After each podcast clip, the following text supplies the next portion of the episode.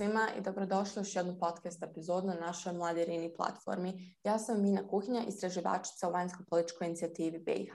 E, prije svega da vas podsjetim na samu viziju Mladi Rini platforme. E, ova platforma je kreirana kao dio projekta koji se sprovodi od strane grupe Think Tankova e, u okviru Think for Europe mreže i njihovih partnera iz Poljske, Italije i Belgije.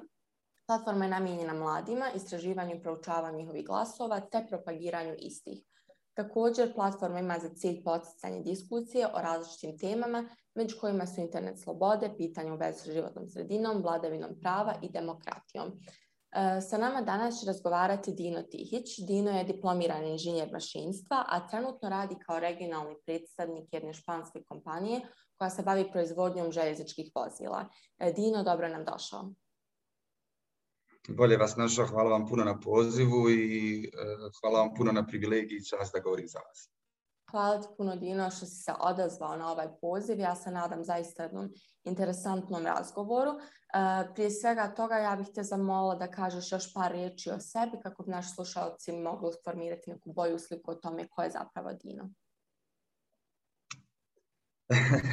to je jedno od najtežih pitanja, ja mislim, u ovom razgovoru ovako, znači, moje ime je Dino Tihić, diplomirani sam mašinski inženjer, trenutno sam na master studiju na Univerzitetu Istočnom Sarajevu, završavam, trebam ove godine da magistriram, jel? mislim, inovator sam, bavim se inovacijama,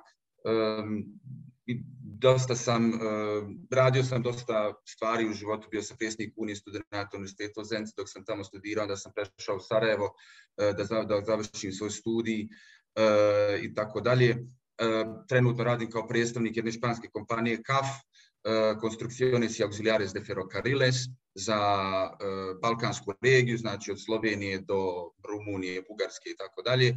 Ovaj, i, pa eto, prilično imam popunjene dane aktivnostima kako poslovnim, tako i nekim drugim.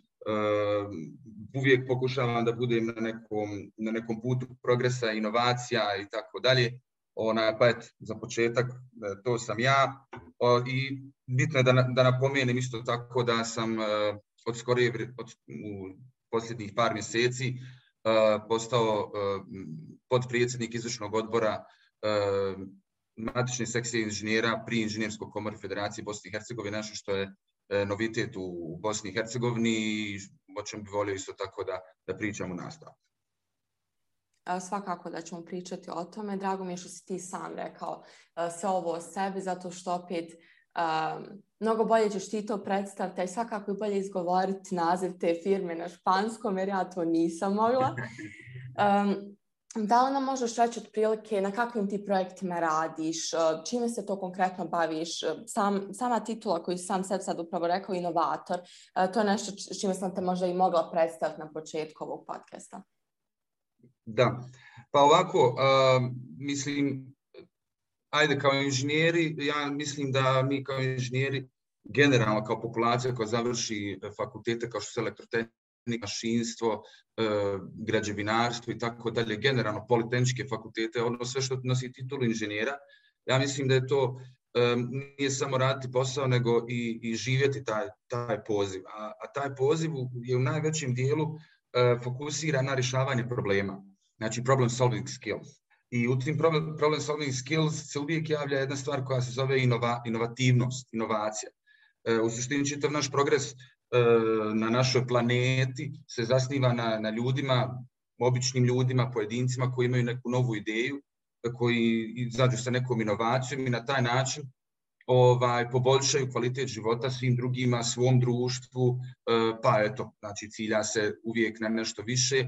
Ovaj, tako recimo, e, imate jednog Elon Muska koji je promijenio totalno znači, putovanje u svemir, a onda da ne idemo dalje u historiju, da idemo do Nikole Tesla i do Newtona i tako dalje, svi nekih inovacija, inovativni ljudi kroz istoriju koji su nam definitivno promijenili naš način života.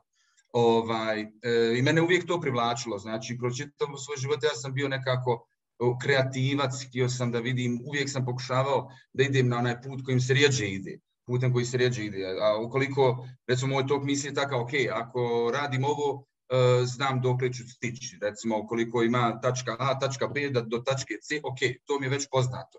Ajde da vidimo da postoji neki drugi put da se dođe do tog nekog finiša, odnosno do nekog cilja, a u svemu tome je upravo bitan taj put, jer u tom putu se upravo dešava inovacija, u tom putu se dešava razmišljanje, rješavanje problema i tako dalje. I nešto što na kraju vam otvara mnoga druga vrata. Barem sam ja tako nešto i okusio u svom životu. Ja sam prije par godina zajedno sa svojim kolegom počeo isto tako da pravim neku inovaciju, pa smo osvojili prvo mjesto na ovom regionalnom takmičenju gdje smo osvojili zlatnu plaketu i, i prvo mjesto za, za inovaciju koju smo mi osmislili.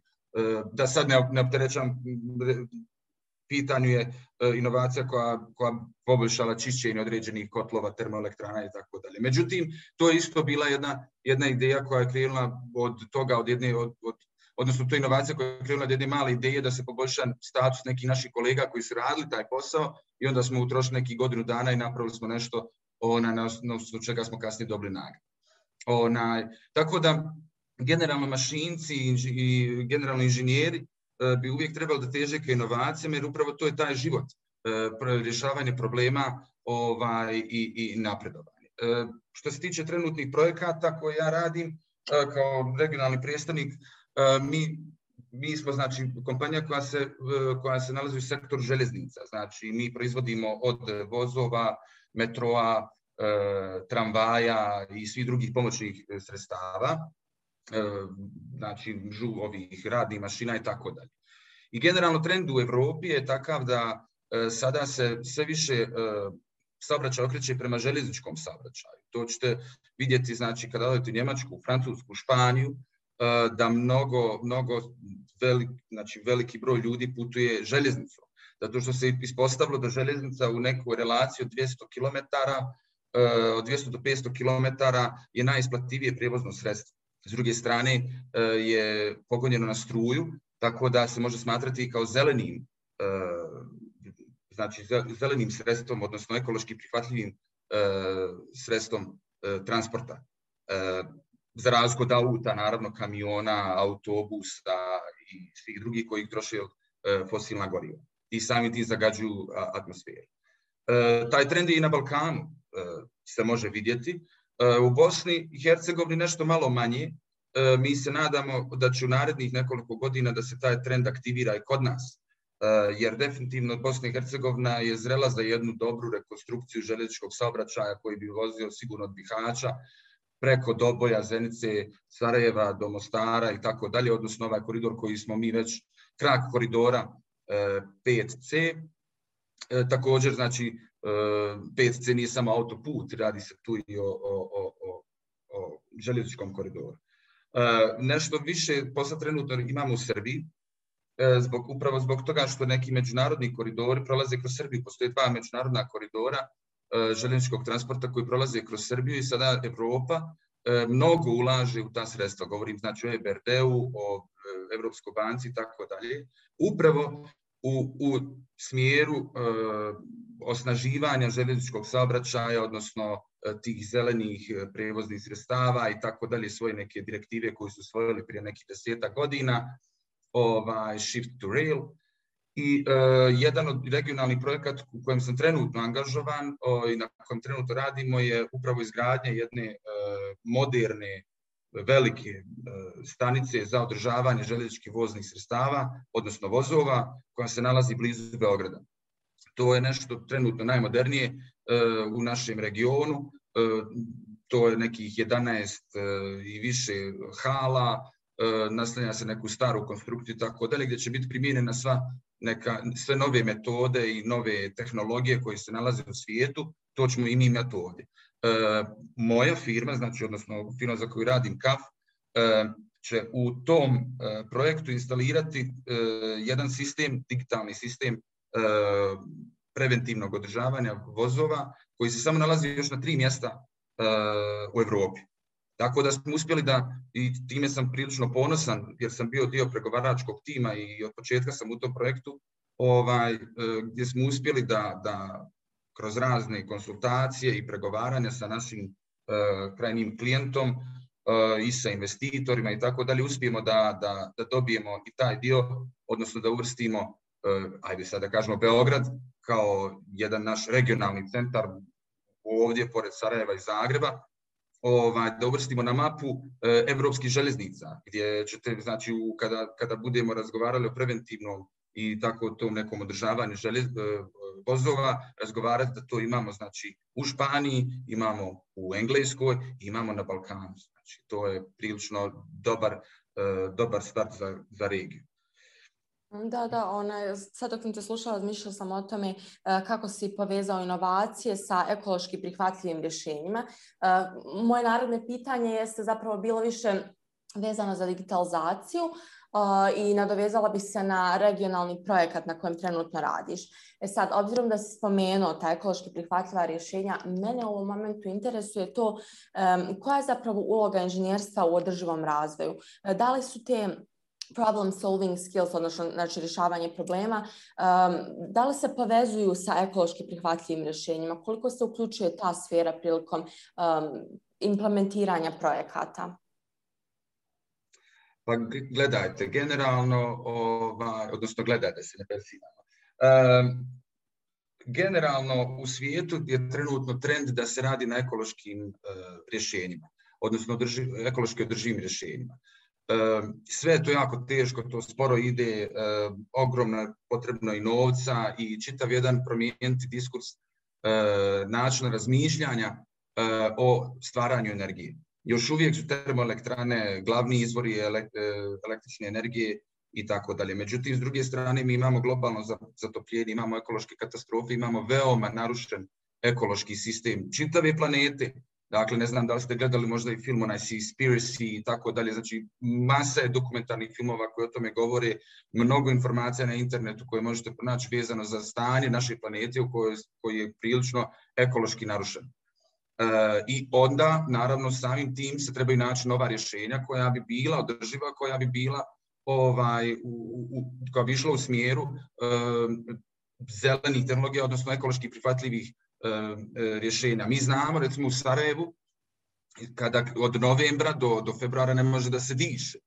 E, isto tako ima, vi znate te velike ogromne centre po, po svijetu, recimo Peking i tako dalje, da je to katastrofa, da, da su to, da ljudi mnogo umiru od zagađenja i tako dalje. Tako da čitav taj diskurs, odnosno čitava, čitava planeta trenutno radi na ekološkim rješenjima. I naravno, pošto nikad do sada to nismo radili u našoj historiji, mi moramo da, da budemo inovativni kao, kao civilizacija. I mi moramo znači, da ulažemo i da, pravi, da, da, da pravimo ekološka rješenja, odnosno da, da, naše e, fokus i interese stavimo na tu stranu. I zbog toga danas imate sve više zastupljeno, što je dobro, ovaj, e, sve više zastupljenih tih zelenih tehnologija i ekoloških prihvatljivih rješenja. E, inovacija je tu neizbježna, kao što kažem, jer morate, znači to nikad do sada mi nismo, prije 100 godina najnormalnije bilo da mi nemamo na autima katalizatore, da nemamo nikakve filtere ni ovaj, e, iz, ispušnih gasova. E, recimo, znate priču Zenica i o Zenici, pošto sam rođen u Zenici, i odrastao željezara, pa kao željezara i tako dalje. To je prije katastrofa. Vi pitajte ljude koji su živjeli u, to, u tom periodu koliko je bilo zagađeno i tako dalje. Naravno, sada to i postoji evolucija i, i načina kako se kako čitavog tog procesa i tako dalje. Tako da, e, u suštini da odgovorim na vaše pitanje, ovaj, mi kao civilizacija treba da, da, da težimo ovaj e, ekološkim rješenjima. I samim tim, će, samim tim što težimo ka nečemu novom, to otvara mnoge mogućnosti za mlade ljude, za kreativne ljude, za inovatore da pokažu svoje problem solving skills, odnosno svoje inovativne ideje da predstavi svijetu. I upravo to je ta niša koju danas mi vidimo, recimo da mnogo startupova se javlja upravo vezano za, za ekologiju, da mnogo startupova se javlja vezano za digitalizaciju, recimo kao novi jedan, e, novi jedan pojam u informacijnim tehnologijama. Ovaj, I upravo tu se dešavaju male firme koje rade, e, koje pomoću neke male ideje koju su na početku imali, se se pretvori u jednog, e, ako ne giganta, onda u određenu respektabilnu kompaniju koja zapošljava, koja gradi nove ideje i tako dalje. E, to je jako bitno ovaj, da se tako nešto dešava. Generalno, znači, ja, možemo posmatrati lokalno, a možemo posmatrati globalno. E, pojava startupova i pojava digitalizacije je nešto što nas veže sa ostatkom svijeta i na čemu moramo mi kao država i kao društvo da radimo. Ovaj, da bi, da bi upravo tu se mladi, pazite, nema više prošla je era, mi, do, mi smo danas u digitalnoj eri, to se tako kaže. Mi smo, e, ja, sam, ja spadam u uh, kategoriju millennialsa. Uh-huh. To su ljudi koji su rođeni nekih tamo 80. godina do nekih 93. 95. godine.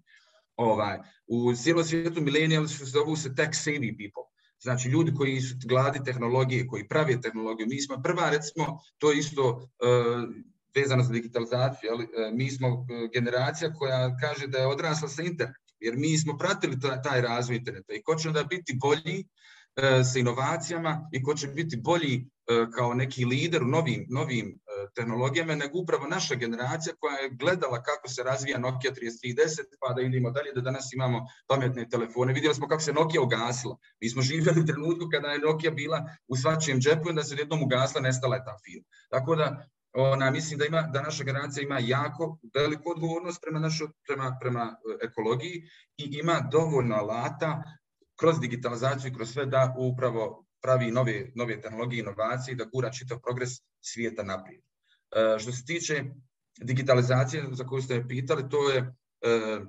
naravno veliki trend, sve se pokušava digitalizovati upravo zato da bi se smanjila marža na, na, ovaj, marža greške u određenim mjerenjima, a isto tako da bi se mogle komunicirati određene informacije na mnogo u real time na velike daljine. O tome tu možemo da pričamo o 5G-u koji se sada razvija, koji je industrijska mreža za razliku ljudi koji misle da je to za telefone, to nije za telefone, sasvim dovoljno. E, slušao sam sada i direktora Raka, ja mislim da je e, gospodin Aleksandar Mastilović koji je čak posvijetio na Instagram, na Facebookima i tako dalje, ovaj, jedan serijal svojih istorija da upravo objasni ljudima ona, da mi sa 4G-om smo završili generalno sa, sa pričom o, o, o komunikaciji preko telefona, jer mi ne iskorištavamo svakodnevno tu, tu, tu količinu podataka. S druge strane, 5G, koji se sada razvija, će omogućiti hirurzima da, da rade real-time operaciju, recimo na velike daljine, ili recimo u našem u saobraćaju željezničkom 5G se koristi trenutno u razvijenim zemljama odnosno ta tehnologija nastoji da, da se implementira na način da se optimizuje saobraćaj, da nemate praznih vagona, da nemate praznih vozila, da znate kolika je temperatura u, u, u, u vozu i tako dalje. Znači, upravo sistem koji, smo, koji ćemo mi implementirati u Beogradu u svojoj razvijenoj fazi koja se nalazi, koju smo implementirali u Engleskoj, ovaj prati, znači vi u jednoj centrali sjedite i vi vidite sve vozove, vidite koliko svaki voz ima putnika, vidite kolika je temperatura u svakom od tih vagona, vidite kojom brzinom se kreće svaki od tih uh, vozova, uh, vidite, ne znam, koliki je napon mreže, vidite koje je stanje motora i tako dalje. To je nešto što je revolucionarno i što se dešava tek u posljednjih pet godina. Mi govorimo upravo o mhm. proboju nove tehnologije koja nikada do sada nije postojala ovaj, recimo u saobraćaju. A to sami recite. Da, htjela sam da kažem, jeste svakako revolucionarno, ali kao što si sam spomenuo, mi smo svi nekako i odrasli s tu tehnologiju i nekako nama jeste prirodno navikavanje na, na ovakve promjene. Um, šta misliš koliko se zapravo, koliko kolika je svjesnost o digitalizaciji, ali isto tako i održivom razvoju. Primijetimo svakako rastući trend e, kako u svijetu, tako i sad već kod nas u tim zelenim politikama. I o tome kako digitalizacija sama po sebi može utjecati na stvaranje zelenih politika i praćenje zelene agende. Uh, upravo kroz taj tvoj projekat, uh, sve to mjerenje, sve ti iskazi putem uh, nekih uređaja, koliko smo mi zapravo spremni da pristupimo jednoj takvoj revolucionarnoj sferi u smislu tehnologija? Pa ovako, mali broj ljudi jeste spreman, veliki broj ljudi nije spreman. Uh-huh. Dakle, ako govorimo Mislim, kad uzmemo i literacy sam po sebi uh, u našoj regiji, kako, da li postoji uopšte perspektiva za nečim takvim sada u ovom vremenu ili u narednih pet godina? Pazite, perspektiva uvijek postoji. Uh, ja uvijek uh, navodim recimo primjer um, kada razgovaram sa svojim kolegama i tako dalje, onu neku priču jel, izmišljenu od dva, uh, dva prodavača cipela koja su došla u, koja su dvije raz, firme poslale u Saharu i dvoj, obojica su sletli u isto vrijeme, obojica se nalaze u Sahari gdje je pustinja i jedan zove e, svoju firmu i kaže ljudi poslali ste me na pogrešno mjesto, ovdje niko ne nosi cipele, ovdje svi hodaju sandalama. A drugi zove svoju firmu i govori pošaljite mi sve cipela što imamo u proizvodnji, ovdje ljudi niko ne nosi cipele. dakle, ista stvar, znači kod nas, upravo kod nas kao u Bosni i Hercegovini taj, taj moment da kod nas dolazi ta tehnologija može da, da, da stvori određen veliki zamah u, u mladim, u, u novim kompanijama koje, koje bi mogle da, da naprave promjenu u Bosni i Hercegovini. ali smo nespremni. Istina je, nespremni smo zato što još uvijek se mi vodimo nekim socijalističkim temama, zato ono kad kaže koliko će fabrika otvoriti.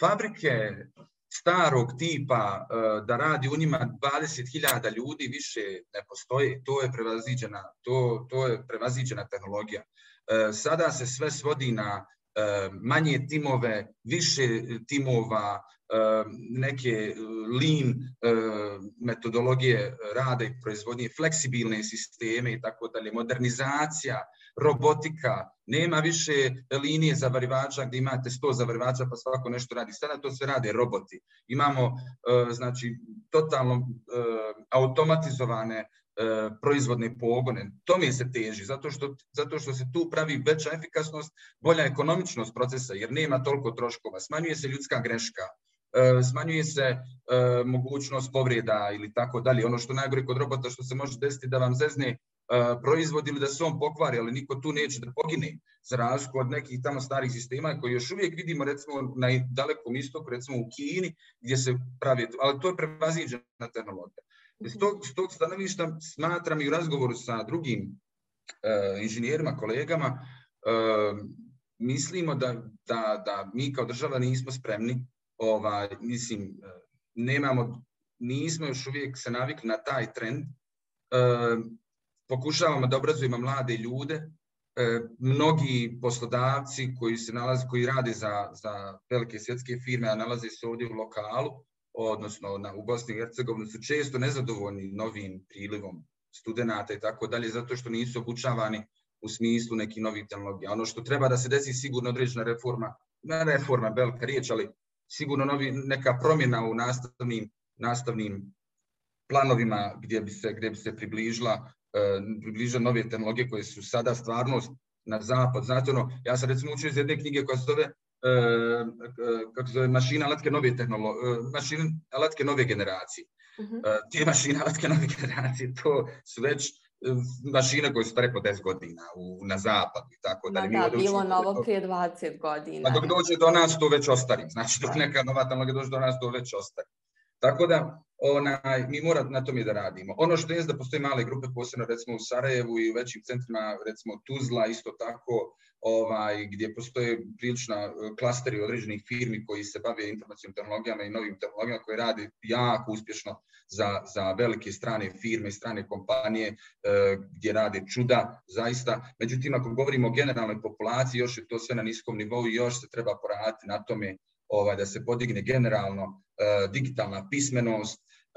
to vidimo, recimo, evo vam primjer, vi imate internet, evo recimo, e, upravo mi razgovaramo evo, sada onaj, preko tehnologije, tako, ovaj, i vi imate recimo Facebook, ljudi otvore Facebook i pišu i vjeruju drugim ljudima šta pišu. A isto, znači, samo otvori se drugi tab, samo drugi tab se otvori i da se provjeri to šta piše na Facebooku, šta je neko negdje napisao, 90% ljudi to ne uradi. Razumijete? Znači, samim mhm. tim mi još nismo se navikli na informacijnu da mi treba da to da, da, da, da istražujemo, da, da učimo i tako dalje, nego još uvijek se to ona, se gleda nek, neke, uh, još uvijek to, kod nas je postao entertainment više nego što je uh, alat.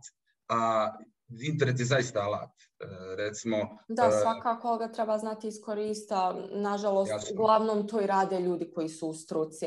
Rijetko kad će neki obični građanin se sve upravo, kao što kažeš, provjeriti taj neki status, tu neku informaciju. Znate što ja radim? Recimo ja često, kad gledam, kad, kad gledam filmove i tako dalje, meni je uvijek telefon negdje blizu. I onda mhm. kad vidim neku riječ ili nešto što me interesuje, odmah to ukucam na, na, na telefon da vidim šta je to. I odmah da se istražim. Ja recimo imam preko 40 otvornih wiki, onih uh, na Wikipediji koji nemaju veze jedan s drugim. Ja sam to baš neki dan listo, onaj, upravo za neko mi nešto kaže, odmah ja odim da to da pogledam i tako dalje. E, mislim da na tome treba da radimo. Mislim da treba školovanje i obrazovanje i na fakultetu treba da usmjerimo više na e, problem solving skills, i način na koji dođu do informacije. To je ključno u današnje vremenu. Pošto mi nema, prije je bilo, recimo, radi se rad, da vam kažem, iz inženjerstva, prije recimo nekih 50 godina, da biste vi napisali neki naučni rad, vi, vi ste morali otići u biblioteku, bi šest mjeseci u biblioteci. Uh Tražiti ove, čitati knjige i tako dalje. Danas uzmijete knjigu, pritisnete Ctrl F i unesete pojam. I ono izlista sve pojmove u toj knjizi te. I vi tražite gdje hoćete da se referšete, gdje, gdje hoćete da citirate i tako dalje. Znači, to je, mislim, revolucionarno, revolucionarna stvar za nekog koji je šest mjeseci bio u biblioteci, sada može to za deset minuta negdje da nađe i tako dalje. Ovaj, ono što mi, mislim da mi trebamo u obrazovanju da skrenemo pažnju generalno u društvu je novi način razmišljanja koji se dešava u svijetu. E, kao inženjer, e, ja kad pristupam recimo problemu, ono što sam naučio na fakultetu, ja stavim samo kao jedan od izvora koji su meni na raspolaganju pri rješavanju određenog problema.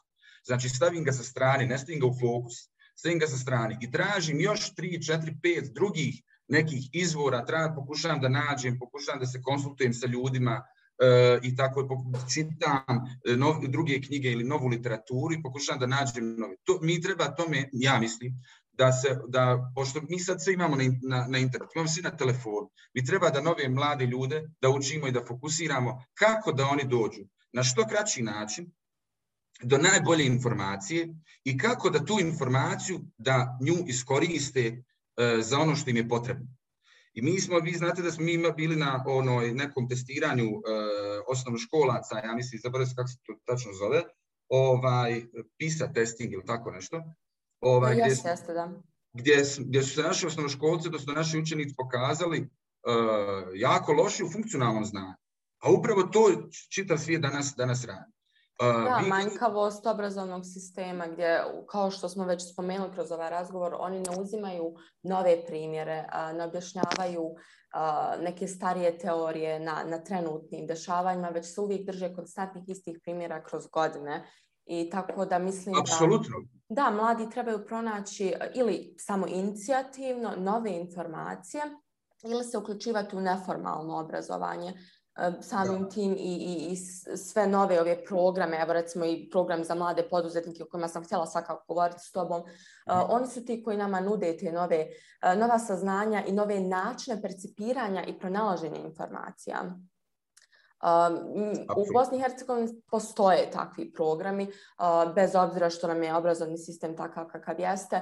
Uh, mislim da veliki potencijal postoji upravo na ovoj drugoj strani i u okviru svega toga možemo spomenuti startups za koje si ti sam spomenuo da su oni koji okupljaju timove ljudi koji su spremni učiti druge o nekim inovacijama, o revolucionarnim tehnologijama ili bilo kojem drugom problemu koji je trenutno aktualan. Um, da. Da li ti smatraš da mladi u Bosni i Hercegovini uzmaju učešće u ovakvim programima, a s druge strane koliko uh, institucije i drugi bitni akteri podržavaju uh, ovakve inicijative? E, nedovoljno. E, oba, pit, oba, e, odgovor na oba pitanja je nedovoljno. Prvo, mladi jako malo koriste mogućnosti. E, znači, ne govorimo samo o lokalnim mogućnostima, tu su i razne EU e fondacije i tako dalje koje se bave inovacijama, koje se bave novim, novim firmama i tako dalje. Postoje anđel investitori i tako dalje. Različite tu postoje fondovi koji, pazite, velikim, ja sam pričao s jednim kolegom koji radi u jednoj za jednu veliku banku, I kaže, Dino, nije problem naći pare, problem je onaj potrošiti pare. U razvijenim zemljama postoje ljudi, odnosno firme koje žele da ulože, žele da se riješe para, e, da, da ulože u nove stvari, u nove firme. Znači, ogroman broj postoji fondacija koji, koje, i, i programa i tako dalje koji bi, koji bi mogli. Naši mladi e, prilično e, ne koriste to, jer ja, evo, moje lično mišljenje, zato što iz kuće ih nisu to, to naučili. Znači, u kući se gleda, daj na radno mjesto, neke blizu mamije, da možeš ti na mami na ručak da dođeš, ovaj, da si tu, eto, može u opštini pogledaj nešto, ajde tamo ima uh, ova i tako dalje. Znači, e, mladi od početka imaju internu jednu kočnicu u njihovoj porodici gdje, gdje, gdje ne znam, se želi da se nađe ili državni neki posao, neka sigurnost, tako dalje. Ono što ja uvijek kažem je, mi trenutno živimo u, u svijetu koji je totalno nesiguran, znači sigurnost je pojam koji je bio prije 30 godina, sada je sve rizik, znači ne postoji sigurnost, postoji rizik. Rizik možemo proračunati, sigurnost ne možemo proračunati. Znači, i mlade ljude treba znači, iz porodice, iz familije, iz uh, njihovog društva da se, da se malo preuzme na američki sistem you go, znaš, no, you go man, you go girl, znaš, kao ono, daj, daj, nešto, daj nešto novo, daj neki poticaj i da se koriste to, e, da se koristi program. Mora, mladi ljudi moraju da se otisnu, moraju da skaču sa litice u nešto novo, e, da se otisnu, da, da pokušavaju da, nađu svoj, svoj put. E, lokalne vlasti, generalno država Bosne i Hercegovina ima jako mali broj toga, tih poticaja i to se sve svodi na neke mizerne e, svote novca koje vam služe samo da, deto, da, da, da vas malo, vi morate 70% novca da osigurate s neke druge strane i tako dalje. Ono što želim isto tako da istaknem i razlika, evo da malo možda da nauče, start-up i, i, i jedno je biti preduzetnik, a drugo je biti, imati start-up. E, start-up e, je, je, start-up ima za fokus inovaciju, start-up je nešto što jedan čovjek ima ideju i tu ideju želi da provede u dijelo kroz svoju organizaciju koju formira. Biti preduzetnik je otvoriti firmu i biti tako dalje. Sada, e, poticaj start-upovima i poticaj preduzetnicima. To su dvije različite stvari. Mislim da to isto nedostatak politike generalno na nivou države Bosne i Hercegovine, e, nedostatak politike koja kaže šta želimo mi. Da li želimo da, da, da, da motivišemo nove start-upove i da kažemo ok, start-upovi u tom i tom sektoru, želimo da razvijemo taj taj sektor, želimo da ovo da poticaj. Ja ću dati recimo par primjera, u, evo jedan primjer je u Srbiji u Priboju, gdje za nove biznise, za mlade, E, e, u industrijskoj zoni u Priboju e, mladi biznisi su oslobođeni dvije godine doprinosa i poreza. U, recimo, u Španiji, u jednom gradu pored Barcelone koji zove Lleida, mnogo je manji porez i pošto je industrijski nastrojena zona, ovaj, ne mnogo manji porez i doprinosi nego u Barceloni. E, mi toga u Bosni i Hercegovini nemamo, znate, ne, ne, mi ni danas e, svugdje nemamo, recimo da kažemo, hoćemo da, da pravimo od Tuzle ili da pravimo od Mostara ili od Ključa, od Jajca, ne znam, hoćemo da, jaj, hoćemo da od, od e, Bihaća napravimo novi tehnološki park. I da na taj način počnemo da razmišljamo, da kažemo, ok, nećemo da, za sve te informacije, za sve firme koje se bave time i time ćemo da, da im omogućimo da imaju manje poreze, manje doprinose, da manje plaće, da ćemo im poticaje, jeftiniju struju i tako dalje i tako dalje. Dakle, u suštini, šta, šta je pojenta? Hoću da kažem da, da kroz program e, vi dobit ćete pare možda, dobit ćete neki novac, neka finansijska sredstva, ali ambijent taj koji igra ulogu. E, ambijent je taj koji vas gura dalje. Znači, ambijent treba da se stvori da, da mi kao država Bosne i Hercegovine počnemo da uđemo, ulazimo u nove tehnologije, da mladi ljudi ne žele da rade u državnim institucijama, osim ako nisu, recimo, neke naučni instituti i tako dalje, da mlade ljude okrenemo prema STEM, STEM uh, uh, naukama uh, i, i tehnologiji i inženjeringu i tako dalje, pošto su to, znate, ima nešto što se zove u, u generalno u tehnologiji scalable thing. Zna, da li možete vi skalirati svoj biznis? E, da li možete da skalirate vašu, e, vaše znanje koje vi sada posjedujete? To je jedino moguće u STEM-ovima, u, u, odnosno u inženjeringu, u novim tehnologijama i tako dalje. Primjer vam je Airbnb, primjer, primjer vam je bilo koja aplikacija, primjer vam je Facebook koji je, skal, koji je toliko skalabilan da je, da je pokrećita svijet. Ovaj, I tu mi imamo jedan, jednu jednostavno, bojim, da ne kažem možda jednu rupu u, u obrazovanju gdje, gdje mlade ljude ne, ne guramo u te, u te, u te ovaj, oblasti i ne dajemo im prave alate da se sa njima bore. E, mi, mi mladi ljudima dajemo knjigu da je nauče umjesto da, da ih pitamo iz kojih sve knjiga oni mogu da uče i da, da im damo, da kažemo, ajde naći knjigu iz koje to najbolje se može da nalazi. Onaj, Pa u jednu ruku i pored, izvini što te prekidam, ali u jednu ruku, uh, pored svih problema koji već postoje u ovoj državi i ovo je jedan koji možemo upravo i objasniti odlazak mladih iz Bosne i Hercegovine, još pogotovo u, u sferi tehničkih fakulteta. jednostavno veće prilike i bolje prilike postoje negdje vani, a naša država, pored ovolikog potencijala u mladima, za koja vjerujem stvarno zaista da postoji u našoj državi, oni ne ulažu dovoljno u njih. I šta ti misliš, gdje ono, možda je to i bila tvoja naredna misao, gdje država Bosna i Hercegovina može raditi više kako bi zadržala te mlade u okviru u svojih granica? Pa mora da stvori ambijent u kojem želi, žele mhm. mladi ljudi ostati. Mora da stvori ambijent koji im pomaže, ne odmaže. Kako ćete vi, kako, šta, kako ćete vi imati mladog čovjeka koji želi da napravi novi startup, koji želi da ima ideju? Pazite, znači imate, evo, najbolja ideja, onaj, e, kako se zove, pertla za cipele. Razumijete? Ima čovjek ideju za pertlu za cipele, recimo da nikad nije izmišljena. I to, to svi znači na planetu.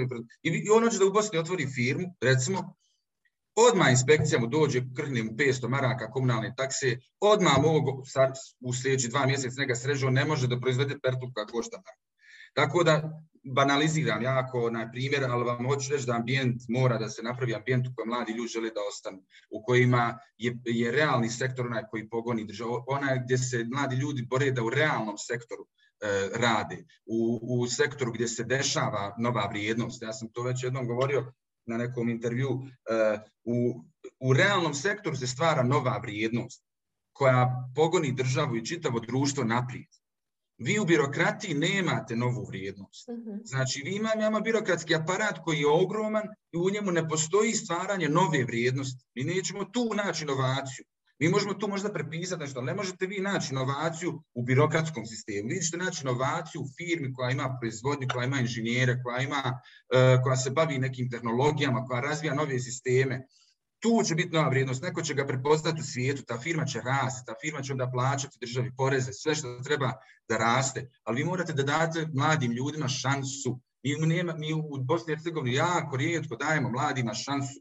Čim on krene nešto, mladi čovjek, odnosno mlada žena posebno, ona preduzetnica da nešto radi, država sve uradi da, da mislim, to je nekako, stičem taj dojam, da, da, da odmah oteža to.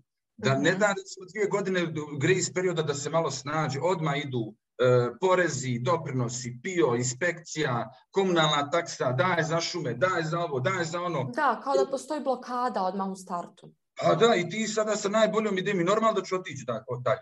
Ali u suštini šta, šta, šta ona treba? Mladi isto tako s druge strane, ajde ovo sam rekao sa jedne strane, s druge strane, mladi mnogo premalo radi da se to promijeni. Jednostavno, generalni diskurs, idemo linijom manjeg otpora, idemo otići odavde. E, tako su mogli svi.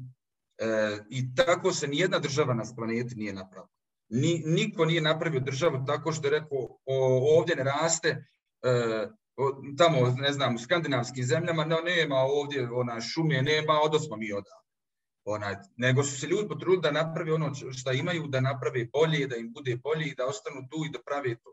E sada, mladi ljudi, sad uvijek, to je, taj, to je taj križ koji trenutno mi imamo, a to je da uvijek e, naša generacija, barem vagamo između nekih E, naših idućih godina, da li da živimo, jer hoćemo ipak da živimo ovaj život, hoću da jedem, hoću da, da se provodim, hoću da odem na, na, na Kanarske otoke jednom mhm. u životu, hoću da putujem.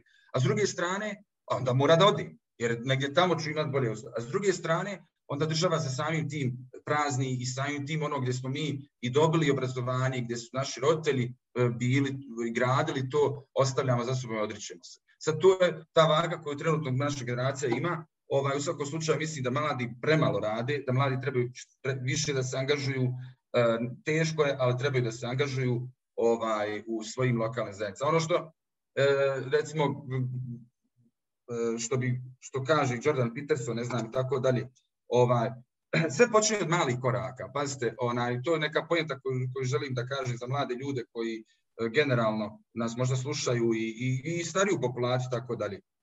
Ovaj, prije nego što, što, se krene razmišljati o promjeni čitavog svijeta, uredite svoju sobu, uredite svoj stan, e, pogledajte ima cvijeća ispred vaše zgrade, očistite malo snijeg zimi i tako dalje, aktivirajte se I onda idemo dalje. I kad bi to čitavo naše društvo radilo, ja vam garantujem za deset godina da bi mi bili jedan raj, novi tehnološki raj, gdje bi ljudi dolazili da ulažu pare. Gdje bi kada bi svako zategnuo.